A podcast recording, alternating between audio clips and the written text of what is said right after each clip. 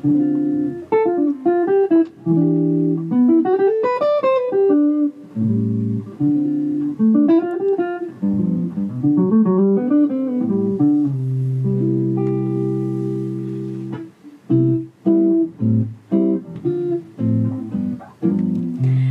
datang kembali di podcast keduanya Hai, Laksa. hai. Hai, masih dengan gua Nabila. Sama gua Krisna Nah, buat kalian yang baru banget denger nih dan belum dengar podcast sebelumnya, kalian mendingan denger dulu deh. Karena kita kemarin episode selan- eh, episode sebelumnya kita ngomongin tentang nama-nama PT. Untuk yang sekarang kita akan ngomong mengenai domisili di dalam PT. Anyway, Chris, Yes kemarin makasih banget sarannya sumpah gue pulang teman-teman gue banyak yang nanya banget yang kayak sumpahnya gue pengen banget ya bikin PT di Lexer karena segampang itu. Makanya gue yang kayak oke gue kayak nah gue tuh mau nanya nih salah satu teman gue sih sebenarnya Mhm. yang kemarin ketemu tuh dia tuh usahanya tuh di bidang kuliner. Mhm. nah tempat kuliner dia yang sekarang tuh masih di ruko yang dia sewa. Ya tapi selanjutnya tuh dia akan expand dan sepertinya akan membutuhkan kantor yang proper untuk PT yang akan dia buat untuk segala urusan administrasi dia. Mhm. dan ke depannya tuh dia kayaknya akan milih gedung perkantoran deh domisili PT yang saat ini dia buka ruko itu yang sekarang itu tuh sebenarnya boleh apa enggak sih sama gue mau nanya Ap- eh, dan domisili perkantoran tuh baiknya gimana menurut lo? Oke, jadi gini Nap, Eh, PT itu sebenarnya boleh berdomisili, boleh berdomisili di ruko, di gedung. Kalau misalkan sekarang tuh yang lagi zaman tuh kayak virtual office, private office. Oh ada yang kayak gitu. Iya, itu lagi zaman juga kan sekarang.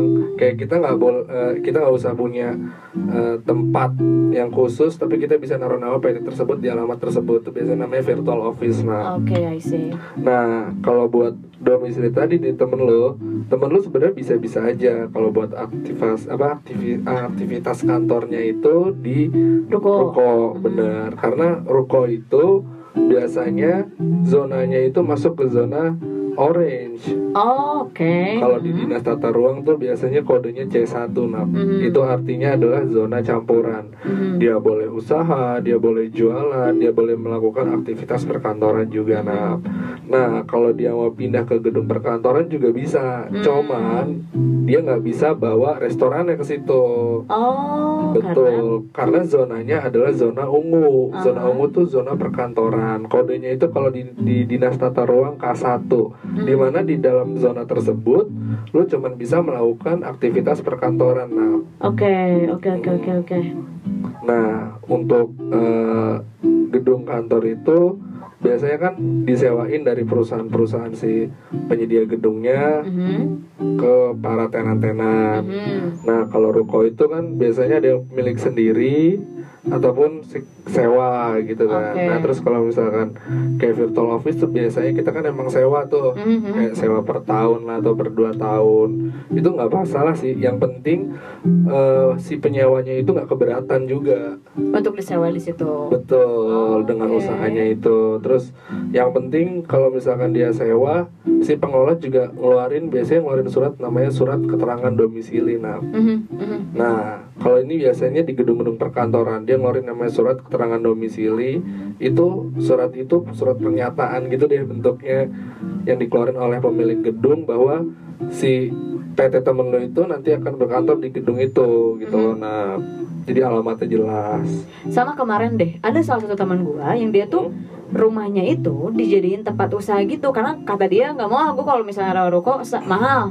Dia bilang gitu, itu boleh gak sih? Nah, itu sebenarnya pemahaman yang salah. Nah, kalau zaman dulu orang-orang tuh bilang kayak ya udah rumah gua gue bisa usaha di gua. Nah, cuman itu pemahaman yang salah sekarang karena sekarang udah nggak ada lagi namanya izin prinsip. Sekarang itu semuanya itu harus eh, pakai ruko atau pakai gedung perkantoran atau pakai virtual office dan private office yang tadi.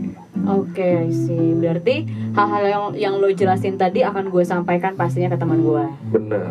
Yaudah, terima kasih. Lo mau ke mana lagi abis ini? Gue kayaknya mau ngopi-ngopi nih. Eh gila, anak kopi senja ya lo ya? Yo,